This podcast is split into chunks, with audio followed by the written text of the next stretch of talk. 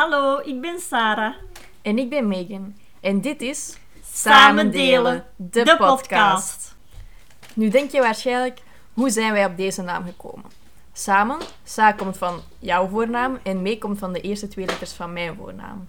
We delen alles met elkaar en dus was de N bij samen ook niet ver te zoeken en wordt, zo werd het samen delen. Zal ik anders mijzelf eerst voorstellen? Ja, dat is goed, Sarah. Oké, ik ben Sarah, ik ben 28, ik ben mama van twee jonge kindjes. Ik heb een zoontje van vier jaar en een dochtertje van een jaar nu. Ik ben ook al zes jaar getrouwd.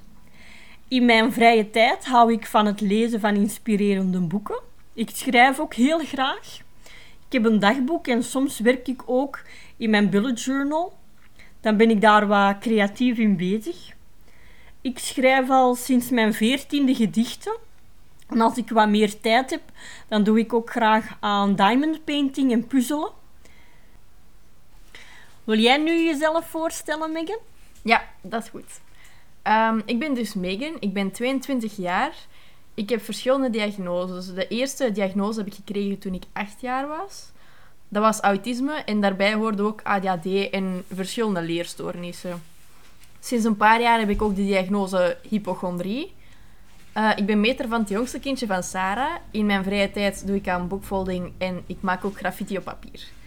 Ik ben dus wel een redelijk creatief persoon. Um, ik werk drie dagen in de week bij Buddy, een klein bedrijfje, en wij maken verse, gezonde hondenkoekjes. Wat ik wil bereiken met deze podcast is dat verschillende onderwerpen bespreekbaarder worden en ook dat we anderen het gevoel geven dat ze niet alleen zijn. Ja, en toch ook om taboes te doorbreken, hè? Ja, en om daarop in te gaan, we hebben elkaar ook op een heel bijzondere plek ontmoet. En daar is ook nog steeds heel veel taboe rond.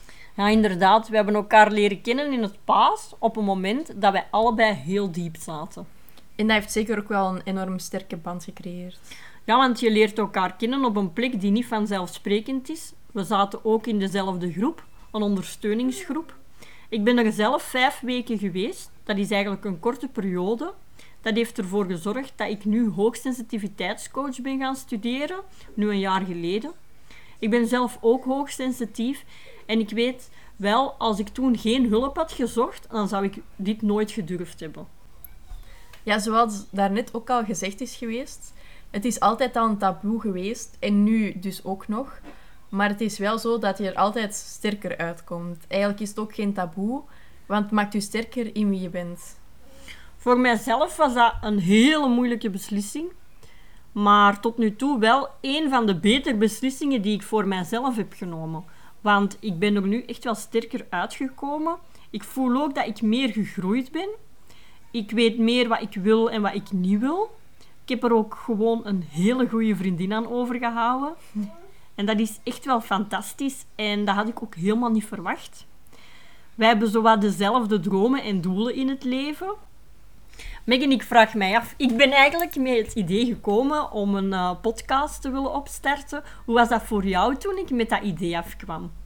Ja, en wel, ik had dus nog nooit een podcast beluisterd. Dus ik wou wel eerst opzoekwerk doen en er even over nadenken. Maar na mijn opzoekwerk vond ik het wel interessant, omdat er ook wel veel andere mensen mee kunnen geholpen worden. En voor veel mensen is lezen ook niet vanzelfsprekend. Dus deze is wel een hele verademing, aangezien een podcast om te beluisteren is. Ja, en je hoort dus ook de emoties die erbij komen bij een bepaald onderwerp in de podcast.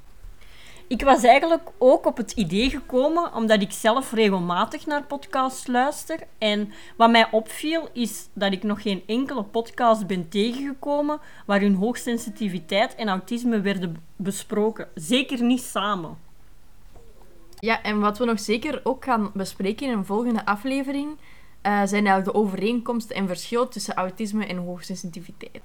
Hierover gaan we dus ook nog veel verschillende tips en tricks geven. We willen vooral heel veel mensen het gevoel geven dat ze niet alleen zijn. Ja, inderdaad, dat is denk ik een van de grootste doelen die dat wij hebben. Om af te sluiten, als je een vraag hebt of een voorstel, aarzel dan zeker niet om ons te contacteren. Ja, dat kan dus via ons e-mailadres uh, samendelen.depodcast.gmail.com. Dus als jij nog een ideetje hebt, laat het dan zeker weten en dan maken wij er binnenkort een aflevering over. We vinden het alvast super tof dat jij onze podcast gevonden hebt. En hou je vooral niet in om deze te delen op jullie sociale media of met familie en vrienden. Als er mensen zijn waar dat je aan denkt die hier misschien ook iets aan gaan hebben, deel dit dan zeker, want we zijn pas gestart. We willen zoveel mogelijk mensen bereiken met onze podcast. Samen delen doet helen. Jouw gevoel kan ons veel schelen. Dag! Dag, tot de volgende. Tot de volgende aflevering.